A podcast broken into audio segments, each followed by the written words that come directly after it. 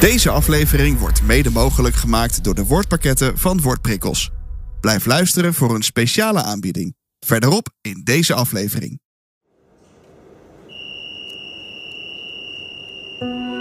Hallo.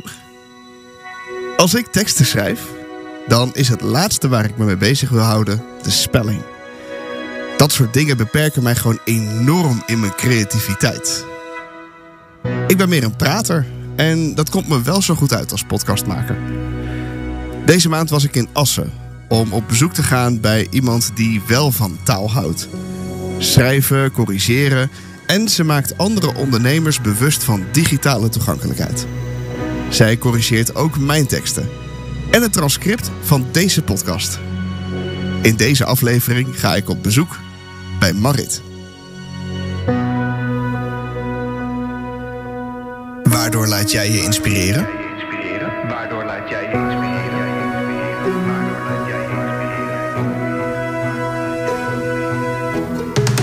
Mijn naam is Ferry en als podcastmaker hou ik van inspirerende verhalen. In deze podcast praat ik met mensen die mij inspireren. In de hoop dat jij ook op nieuwe ideeën komt.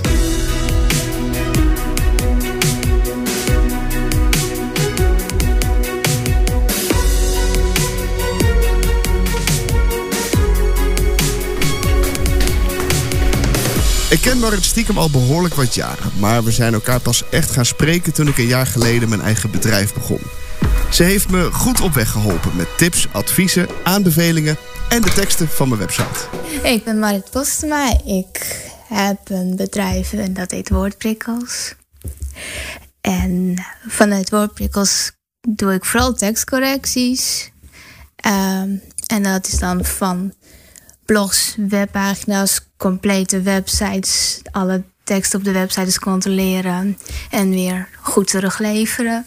En sinds kort, een halfjaartje, dan ook de podcasttranscripts die ik controleer. En wat doe je in je vrije tijd? Ik lees graag. eh, ik zou meer willen wandelen, maar het is soms ook een kwestie van plannen. en ik zou meer tijd willen maken voor yoga, maar dat is ook een kwestie van plannen. Je, je wil heel veel, maar... Ja, Oké. En maar lezen lukt wel? en ja, dat doe ik vaak voor het slapen gaan nog even. Wat lees je op dit moment? Eh, vooral de tijdschriften die ik nog heb staan. En ik loop bij sommige tijdschriften ook al drie maanden achter of zo. Maar waar moet ik dan aan denken? Wat, wat voor tijdschriften lees je? Wat, eh, in welke hoek mag ik je plaatsen? Nou, het is ook het voordeel van dat ik bij pas het lezen, boeken luisteren en daar gewoon toegang heb tot heel veel tijdschriften. En dat ik daardoor mezelf ook gewoon heel veel tijdschriften abonneer, zeg maar. Ja. Want als ik gewoon de normale tijdschriften zou moeten kopen of abonneren en met mijn ogen zou moeten lezen, als ik goedziend was geweest, want ik ben slechtziend, ehm, dan had ik ze niet allemaal gekozen, zeg maar. Maar ik heb nu dus zoal de Happiness en de Psychologie magazine en de Quest en onze taal. Gewoon om wel ook op de hoogte te blijven, zeg maar. Dat zie ik meer als werkgerelateerd. Dus jouw lezen is eigenlijk functioneel. Eh, de onze taal is echt voor werk, zeg maar. En de andere zijn meer uit interesse. En ik heb gewoon een hele brede interesse. Eh daarom bijvoorbeeld de quest, daar staat zoveel verschillende dingen in. Ehm, maar ik heb ook nog wel de bladen die speciaal worden gemaakt voor blinden en slechtzienden, zeg maar. En dan heb je de Moet je horen. Eh, die is ook heel breed op blinden en slechtziende gebied, zeg maar. Wat er allemaal gebeurt. Ehm, op jouw LinkedIn-profiel staat eh, taalvirtuoos. eh, probeert andere ondernemers bewust te maken van toegankelijkheid. Eh, dat zijn de twee dingen die ik zo even uit heb gehaald. Hoe is dat gekomen? Wa- wanneer is jouw liefde voor taal begonnen? Ja, vroeger was ik altijd wel aan het lezen ook. Ik ben mijn twaalfde pas slechtziend geworden. En daarvoor las ik altijd voor het slaap gaan boeken bij mijn nachtlampje. En s ochtends bij het ontbijt zat ik ook gewoon weer te lezen met een boek half onder mijn ontbijtbord. Eh, dus dat kan ik me echt nog wel herinneren, zeg maar. Mhm. En dat ik nog net niet op de autoreis naar school ook zat te lezen in de auto of zo. Dat weet ik niet precies meer. Dus jouw boeken zaten onder de pindakaasvlekken en eh Nee, dat viel wel mee. die was wel netjes. Daarom ook echt netjes naast, net, net met de rand van het boek onder de rand van het bord. Oké. ze bleef er wel goed uitzien. Het waren ook heel veel oude boeken van mijn moeder die bij ons in de kast stonden. Van die boeken over paardenmeisjes, zeg maar. En gewoon van die paperback is het volgens mij dat je het kunt ombuigen een beetje. Ehm, dus die hadden heel veel staan van die kleine boekjes gewoon nog van mijn moeder vroeger. Kon je aan het papier wel merken dat ze al wat ouder waren. Eh, Vanaf je twaalfde werd je, werd je, werd je slechtziend. Toen las je al. Wat is, wat is er daarna dan gebeurd? Ehm, qua lezen? Ja, qua lezen, ja. Ja, nou, we eh, zijn, toen ik slechtziend werd, is mijn moeder eerst maar gaan voorlezen, zeg maar. Want er staat nog in het traject van, nee, wat heeft ze gekregen? Hoe komt dit, zeg maar. Ehm, ik ben in het ziekenhuis opgenomen geweest toen. En daarna eh, heb ik wel nog een dag op school geprobeerd in die tijd. Maar ja, daar kon ik ook niks, want ik kon de schoollesboeken niet lezen. En toen zeiden ze me ook van, nou ja, als je nog in de buurt bent, haal haar maar weer op, want ze kan hier toch niks. dus toen ben ik weer naar huis gegaan. Toen heb ik, denk twee maanden, nou vanaf het begin dat ik slechtziend werd, wel drie maanden thuis gezeten eigenlijk. En dan eh, ergens in die periode van drie maanden heb ik dus gehoord wat mijn oogziekte is. En dat is Leber opticus atrofie. Hoef je niet te onthouden. Eh, dat betekent eigenlijk vooral dat mijn oogzenuw het beeld niet goed doorgeeft aan de hersenen. En dat zit ook heel erg in de energiefabriekjes, zeg maar, in de zenuwen. Ehm, en toen hebben ze dus bij Visio, Koninklijke Visio, eh, wat hebben we ook gezegd, wat, ze wil heel graag veel lezen, weet je wel. En toen hebben ze dus gezegd van, nou, daar heb je de Daisy-speler. Dus toen kon ik audioboeken gaan luisteren. Ja, zeg, want dat lijkt me wel als je gewend bent zo te lezen en je wordt in één keer eh, slechtziend en eh, loopt tegen zoveel barrières aan dat je dan je zou wel eens het plezier in het lezen kwijt kunnen raken. Maar dat is dan niet gebeurd. Nee, want mijn moeder heeft dus in die periode ook heel veel boeken voorgelezen die we hadden staan. Ehm, en in de eerste aantal jaren heeft ze ook altijd 's ochtends tijdens het mij nog voorgelezen. En als ik thuis kwam, 's middags ook nog wel een stukje uit de boeken die zij mij dan voorlas. Ik weet nog toen in die tijd ook, eh, hoe heet het?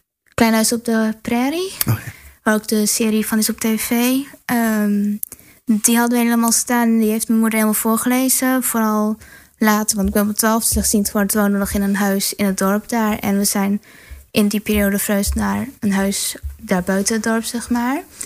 Ik kan me herinneren dat we daar aan de ontbijttafel zaten. En dat in dat huis aan het landwegje, zeg maar, dat ze daar een hond kreeg. eh, echt toen we verhuisden, heeft die puppy daar al rondgelopen in huis tijdens de verbouwing. Daar hebben we foto's van. En dat we dat boek hebben laten liggen ook op een avond dat wij weg waren. En dat er op een gegeven moment een hap uit een van die boeken is genomen door de hond, zeg maar. Dus ik weet dat er een van die tien boeken is of zo waar een hap uit mist. uit de kaft aan de buitenkant. Ja. Dus daarom, zo onthoud ik dat. Ja. En we hebben ook de Da Vinci Code helemaal gelezen. Mijn moeder helemaal voorgelezen. En... Nee, niet de Da Vinci Code, die andere. Bernini Mysterie? Nee, niet van Den Brown, eh, van Tolkien. Eh, in de bal van de Rin. Oh, ja. Die hebben we daar nog helemaal gelezen ook. En de Hobbit had mijn moeder op een gegeven moment op audioboek gewoon gekocht als luisterboek. Met echt van die muziekjes en die rijmpjes ook echt op audio erop, zeg maar. Dat die echt grappig zijn voorgelezen. Dus die heb ik nog wel op CD geluisterd.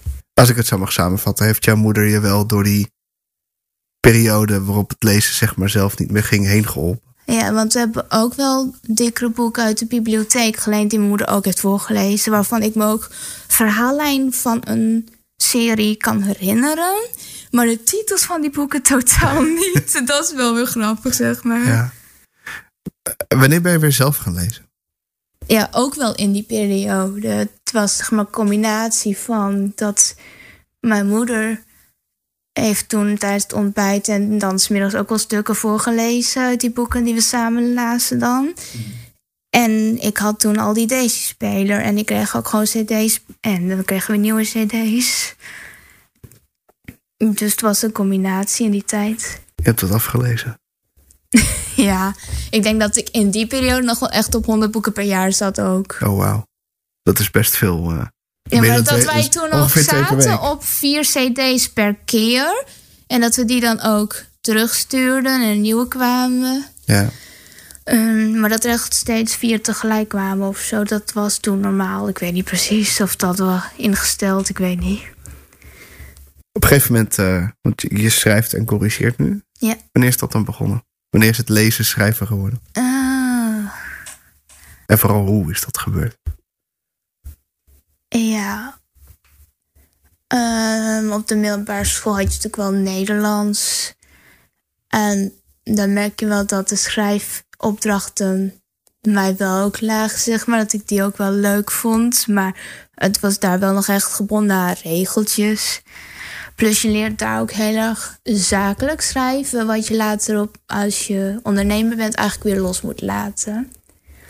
Ja, ik heb ook voor Nederlands ooit een eh, presentatie moeten geven. Naar aanleiding van een werkstuk dat je moest maken. Ik vond het werkstuk maken op zich al heel leuk. Ook gewoon informatie opzoeken. Ehm, ik heb het toen echt over Taoïsme gehouden. Omdat ik toen helemaal ook in de ban was van dat Chinese en eh, het yin-yang teken op zich al, zeg maar. Ja. Ehm, en ik dacht, wat zit er allemaal achter dat yin-yang teken? Want het symbool op zich is natuurlijk al heel bekend. Maar Ja. heel veel mensen weten niet waar het vandaan komt. En dat hoort gewoon helemaal bij het Taoïsme en Confucius en al die dingen. En dat heb ik allemaal toen opgezocht. Waar ik zeg maar heen wil. ehm, hoe, je, hoe je dat zeg maar ooit je werk hebt, kunnen, hebt gemaakt.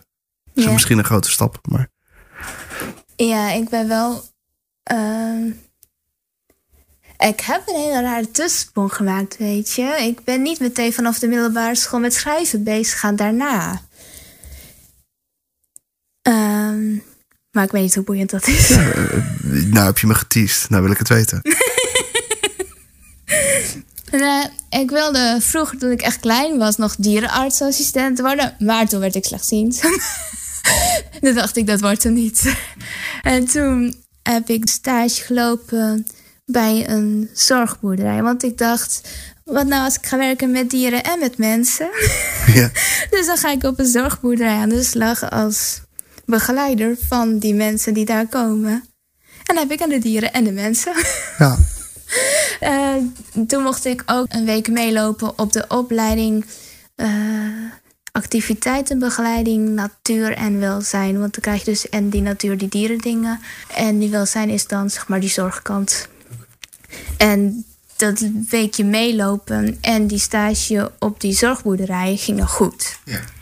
En toen ben ik dat jaar na de VMBO, zeg maar, ben ik gewoon begonnen op een MBO. Activiteitenbegeleiding natuur en welzijn. En eh, dat ging dus wat minder goed. Want toen moest ik ineens wel zelf de dingen kunnen doen. Ah, ja. Terwijl op de zorgboerderij heb je al die andere begeleiders en loop je maar stage. En doe die andere gewoon als- het jou niet lukt. En op een weekje meelopen let ze er ook nog niet echt goed op van... hey, eh, dit moet je straks aan het eind van je opleiding wel zelf kunnen. Het is gewoon leuk even meelopen. En op de opleiding was het gewoon meteen al ook starten met vakken met... je moet twintig planten verzamelen en de namen kennen. En Och. ik liep daar in die grote tuin achter de school... en ik dacht, ik zie alleen maar heel veel vakken met groen. zeg maar. En je moest ook bij de dieren een zieke cavia eruit kunnen pikken. En ik stond bij zo'n grote bak met zaagsel en met houtblokjes en met huisjes en met voerbakjes. Maar ik zie het verschil niet tussen een bruin houtblok en een bruine cavia als die cavia stil zit. Dus jij hebt er drie rottende houtblokken uitgevist en gezegd? Of nee, ik heb er niks uitgevist. Maar gewoon het idee om te zeggen van... je moet straks wel tegen een cliënt op een zorgboerderij kunnen zeggen... Hey, je mag nu die cavia niet oppakken, want die heeft. Oh, ja. Of je mag niet aan die plant komen, want die levert je brandblaren op. Terwijl ik die plant gewoon niet eens zie staan. Nee. Dus dat kan ik niet. Dus toen heb ik gezegd, ik haak af. Dus er was een kans dat je heel iets anders bent zou gaan doen, zo heel rare zin, eh, dan Als ik schrijven. goed gezien, goedziend was geweest, had ik dat misschien wel gedaan. Maar als ik goedziend was geweest, was ik misschien vroeger gewoon alsnog dierenartsassistent geworden. Ja, precies. Deze aflevering wordt mede mogelijk gemaakt door de woordpakketten van Woordprikkels. Ik kan best leuk schrijven, al zeg ik het zelf. Het lijkt immers op praten, maar dan met woorden op papier. Alleen werd mijn creativiteit altijd afgeremd door mijn onzekerheid over de juiste schrijfwijze van de dingen die ik opschrijf. Schreef. Schrijf. Daarom laat ik mijn teksten altijd door Marit controleren en verbeteren. Op die manier schrijf ik wat ik wil vertellen, zonder me te laten afremmen door twijfels over hoe ik een bepaald woord moet spellen. Ben jij net als ik een ondernemer die regelmatig blogs en nieuwsbrieven schrijft, maar zich niet wil laten belemmeren door taal- en spellingsregels? Dan is het nieuwe XL-woordpakket van maar liefst 25.000 woorden iets voor jou. Met dit XL-woordpakket met een prijs van 399 euro controleert Marit ongeveer 35 blogs of webpagina's, 80 nieuwsbrieven of 200 posts voor social media voor je. Hiermee bespaar je jezelf maar liefst 70 euro ten opzichte van het kleinste woordpakket. En het beste van alles, er is geen vervaldatum. Wil jij je ook niet langer laten tegenhouden door taal- en spellingsregels? Kijk dan op woordprikkels.nl slash tekstcorrectie om te zien welk woordpakket het beste bij jou past. Maar er is meer. De eerste vijf mensen die een XL-woordpakket van 25.000 woorden kopen, krijgen een gratis brainstorm sessie. In deze sessie kan je inspiratie opdoen voor nieuwe blogonderwerpen, krijg je feedback op je website en denkt Marit met je mee over hoe jouw website beter gevonden kan worden in zoekmachines. Wees er dus snel bij en laat jouw teksten net als mij corrigeren met het XL woordpakket van 25.000 woorden. Alle prijzen zijn exclusief 21% BTW. Kijk voor meer informatie en de voorwaarden op www.woordprikkels.nl. En doe Marit de groeten van mij om aanspraak te maken op deze aanbieding. Terug naar het verhaal. Waardoor laat jij je inspireren? Waardoor laat jij je inspireren? Ehm, Laat jij je inspireren? ja, door alles wat ik tegenkom eigenlijk. Als ik iets lees. Gisteren was ik nog, wat ik net zei, moet je horen aan het luisteren, zeg maar. Toen kwam ik een verhaal tegen over een ondernemer die ook blind is dan en die iets had gedaan. En dacht ik, oh, dat moet ik ook even googlen. En misschien kan ik diegene ook wel benaderen om misschien eens te sparren of wat dan ook, omdat het ook een ondernemer is. Ja, en ook wel podcasts die ik luister. En dat ik ook denk, oh, dat is ook leuk. Of ehm, ik luister heel veel podcasts van andere ondernemers. Heb ik laatst een blog over geschreven. Gewoon over inspirerende po- podcasts over ondernemen die ik luister.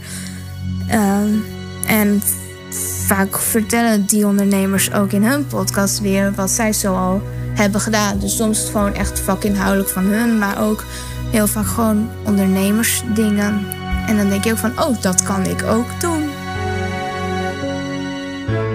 Marit neemt voor mijn gevoel heel veel in erop. Ze volgt trainingen om beter gevonden te worden in zoekmachines, betere blogtactieken te leren, houdt lijstjes bij met dingen die ze voor zichzelf wil doen of voor het bedrijf, of die interessant kunnen zijn voor de klanten, runt samen met haar vriend een gezin met twee kinderen en mist ondertussen geen enkele deadline. Het is oprecht interessant om klant bij haar te zijn.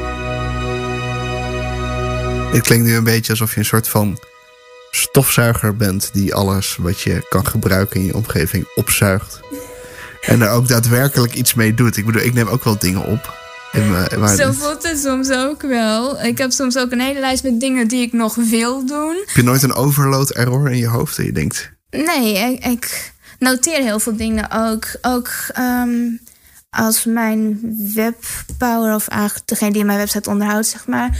Als die mij mailt van, nee, heb je hier al eens over gedacht? Ehm, ze had een pagina gemaakt voor categorieën voor mijn site. Zeg maar dat als je op de categorienaam klikt bij een blog, dat je dan ook een mooie overzichtspagina krijgt. Net als als je, van, als je op de pagina van de blog zelf zit, zeg maar in blokjes naast elkaar en onder elkaar. En meestal staat er ook nog standaard 10 aangevinkt in je website. Waardoor het er heel lelijk uitziet als je ze drie breed hebt. En drie omlaag en één onderaan, zeg maar. En ik denk altijd, waar maak je er niet negen van als ik dat soort sites zie? Dus ik heb aan mij expres aangegeven... zorg dat er negen blogs per pagina zichtbaar zijn. Dan heb je drie naast elkaar en drie boven elkaar. Maar zij had dus ook zoiets van... hé, hey, ik kan dat voor die categoriepagina's ook voor je tekst doen. Oh, ik zie dat je tekst niet gebruikt... maar dat je ooit wel twee teksts hebt gemaakt... En die zijn hetzelfde als de categorienamen en dat is niet handig. En toen heb ik dat dus genoteerd, zeg maar. En dan heb ik dat gewoon ingepland ergens in januari of februari, zeg maar. Dat ik wel er nog een keer mee ging zitten. Ja. Want ze had ook een blog geschreven over, over categorieën en over tags. En die heb ik toen ook gelezen. En er later dus weer bijgepakt toen ik ermee bezig ging. Ehm, dus ik had dat allemaal genoteerd voor een ander moment. Dus als ik interessante dingen tegenkom, maar ik denk ik kan er niet nu meteen iets mee, zorg ik wel dat als ik het echt graag wil, ik er een keer voor ga zitten. Over jouw werk. Ja. Jij bent, je noemt jezelf taalvirtuoos. Ja. Wat maakt jou een taalvirtuoos? Dat ik eigenlijk alles rond taal interessant vind. Het is wel interessant om te weten wat er allemaal taaltechnisch kan, om maar zo te zeggen. Hoe je taal kunt indelen. Maar het is niet interessant voor het hele controlestukje van de teksten. En ik vind het vooral heel leuk om vooral aansprekende teksten te maken. En die lekker leesbaar zijn. Eh, Waar een andere redacteur misschien alleen de taalfoutjes eruit haalt. En ik heb zoiets van, ik vind deze inleiding niet lekker lezen, dus dit moet anders. Ja. En dat heb ik bij jou ook wel eens gezegd. zeggen, Mag ik ik jouw inleiding eh, omgooien? Jij zei, ja, ga aan de gang. Ja, Oké, maar dus jij, jij. Het gaat, ja, wat je zelf al zegt, het gaat dus niet alleen om de correctie, maar ook om, het, om de leesbaarheid. Ja. En, en het is daarmee kom je ook weer bij het stukje toegankelijkheid. Een tekst moet voor mij duidelijk, begrijpelijk. En meestal zeggen mensen: Goh, ben jij helder en duidelijk? Maar het is eigenlijk bijna hetzelfde, zeg maar. Maar je moet dus duidelijk, begrijpelijk en leesbaar, die tekst. Dus dat hij lekker doorleest. Mensen zeggen heel vaak ook als ze mijn blogs lezen, ook al zijn ze bijna 2000 woorden. Ze zeggen, hij leest wel lekker. Ja. En dat is wel belangrijk. Ik bedoel, je kunt 2000 woorden in een blog proppen, maar hij leest totaal niet lekker. Je haakt af na twee alinea's. Of mensen lezen hem uit tot het eind. Maar kan je dan eens een voorbeeld noemen? Want dit klinkt voor mij heel abstract. Ja. Eh, als je het woord toegankelijkheid nu gebruikt in, in dezelfde context als leesbaarheid. En Ja. Eh, hoe, nou, dat hoe doe je dat? Want als ik een labtekst van begrijpelijk. 2000 woorden zie, dan denk ik help. Mm, nee, want je hebt het ingedeeld met tussenkoppen. Ehm, mijn laatste blog heb ik ook twee foto's in verwerkt, zo het opbreekt. Ehm, hij telt sowieso alle woorden. Terwijl mijn blog ging over hoe ik een podcasttranscript controleer. Omdat we dat de laatste tijd heel veel doen. Omdat ik graag een keer wilde laten zien aan mensen hoe ik dat doe. En ik tik er zo in een flow 1800 woorden uit al. Hij is uiteindelijk, toen ik nog bijwerkte, 1900 nog wat woorden geworden. Kan ik ook denken, oké, ik heb gewoon zo in een flow alles eruit gegooid. Maar er zitten ook stukjes in wat meer een voorbeeld is uit hoe het transcript eruit komt. Als hij door het programma gemaakt is, zeg maar, omgezet van audio naar tekst. En dan staat er gewoon nog M8 en F1 van een vrouwelijke of een mannelijke stem en een tijd. En dan daaronder een verhaspelde zin, omdat die niet goed opgepakt is door het programma niet goed omgezet. Dus dat had ik als voorbeeld er ook tussen staan. En dat is gewoon heel kort, een paar regeltjes. Maar dat breekt wel de hele tekst, de hele blog op, zeg maar, omdat er tussen staat. De, de term wollig taalgebruik komt nu even bij me bovendrijven. Ja. jij zegt over helder en leesbaar schrijven. Ja. eh, een blog schrijft van over de 1900 woorden. Ehm, hoe denk jij over wollig taalgebruik? Want dat is het idee wat ik soms heb bij het schrijven van teksten. Ehm, ja, dat is ook wat eh, weer combineert met het stukje het Nederlands op school geleerd op de middelbare school. Ehm, de sollicitatiebrief met naar aanleiding van het hele afstandelijke. Ehm, het wollige is bij mij dan ook het ambtelijk taalgebruik, zoals we dat vaak noemen. Het stukje met betrekking tot. Ehm, gewoon al die afkortingen. En die worden vaak ook weer fout geschreven. Want dan krijg je vaak dat mensen het gaan afkorten tot MBT. En dan alsnog tot erachter schrijven. Maar dan staat er als je het leest en je in, in je hoofd voorleest aan jezelf met betrekking tot tot. Daar blokkeer ik zeg maar. Dan haak ik eigenlijk af op die hele tekst. Ja. Maar al die afkortingen door middel van. kun je allemaal anders maken en begrijpelijker. Eigenlijk zeg je, want, want ik wil hem eigenlijk even terugpakken op het toegankelijke. Ja. Van als je die afkortingen erin zet, je moet eigenlijk zorgen dat het voor iedereen te begrijpen is. Ja, en doordat je die afkortingen sowieso niet gebruikt, want dat blokkeert al in het lezen, want je moet in gedachten die afkorting, als die echt als afkorting gemaakt is in de tekst, weer omzetten naar woorden als je jezelf voorleest in je hoofd, zeg maar. Ja. Dus je remt af in het lezen. Dus ik zorg ook al dat er geen enkele afkorting in mijn tekst staat, behalve als dan televisie, zeg maar tv of mbo of hbo. Dat zijn gebruikelijke afkortingen, maar niet mbt. TAV van. Ja, al die dingen. en dan krijg je ook die V en die van, wat jij nu doet. Ja. Dus die probeer ik altijd sowieso te skippen. Of weer voluit te schrijven als ik ze tegenkom bij iemand. Zodat ze in ieder geval doorgelezen kunnen worden. Ehm, en dat begrijpelijke stukjes ook. eh, niet zozeer Jip en Janneke taal, wat ook vaak wordt gezegd. Want bij Jip en Janneke, denk aan de echte Jip en Janneke boeken die zijn geschreven voor kleuters. Dus je bent niet tegen, als ondernemer dan, niet tegen een kleuter aan het praten. Je bent tegen je, het liefst je ideale klant aan het praten in je tekst. Ja, en op zijn minst, zo, zo kijk ik er dan naar, je gelijke. Ja, Jij, doet ook, jij geeft zeg maar ook taaltips. En af en toe doe je daar eens wat extra's bij als het gaat om toegankelijkheid over internet. Eh, ik denk even aan de altteksten en zo. Dat eh, plaatjes ook Ja. eh, gezien kunnen worden die mensen die blind of slechtziend zijn. Ehm, wat is jouw doel als ondernemer? Want soms heb ik het idee dat je een heleboel gratis weggeeft. Wat ik heel leuk vind, want daardoor leer ik. En toch huur ik je in. Omdat ik denk, oh, dan heb ik. eh, dat, dat, dat ontspant mij, want dan hoef ik me er niet druk om te maken. Maar het zijn wel twee verschillende dingen. Dus vandaar dat ik me afvroeg wat jou. Wat, wat, Eh, omdat ze daardoor ook weten wat ik weet. Eh, en waarom ik het doe, zeg maar. Ja. En wat ik doe. En eh, juist doordat ze bijvoorbeeld een blog over werkwoordspelling, die ik ook heb geschreven, lezen, denken ze ook van: oh, maar het is zoveel en ik wil dit helemaal niet zelf allemaal moeten kunnen weten. Dus ik gooi het over de schutting bij jou of zoiets ja, herkenbaar. dat ze wel zien, dit is hoe het hoort. Maar dat ze ook denken, maar ik ga dit allemaal echt niet onthouden. En ik ga echt niet elke keer weer deze blog opzoeken en weer mijn hele blog nalezen. Dus ik gooi het over de schutting. En ik hoef niet elke keer mijn eigen blog erbij te pakken, zeg maar. Nee. Want het zit in mijn hoofd. Wie zijn jouw klanten?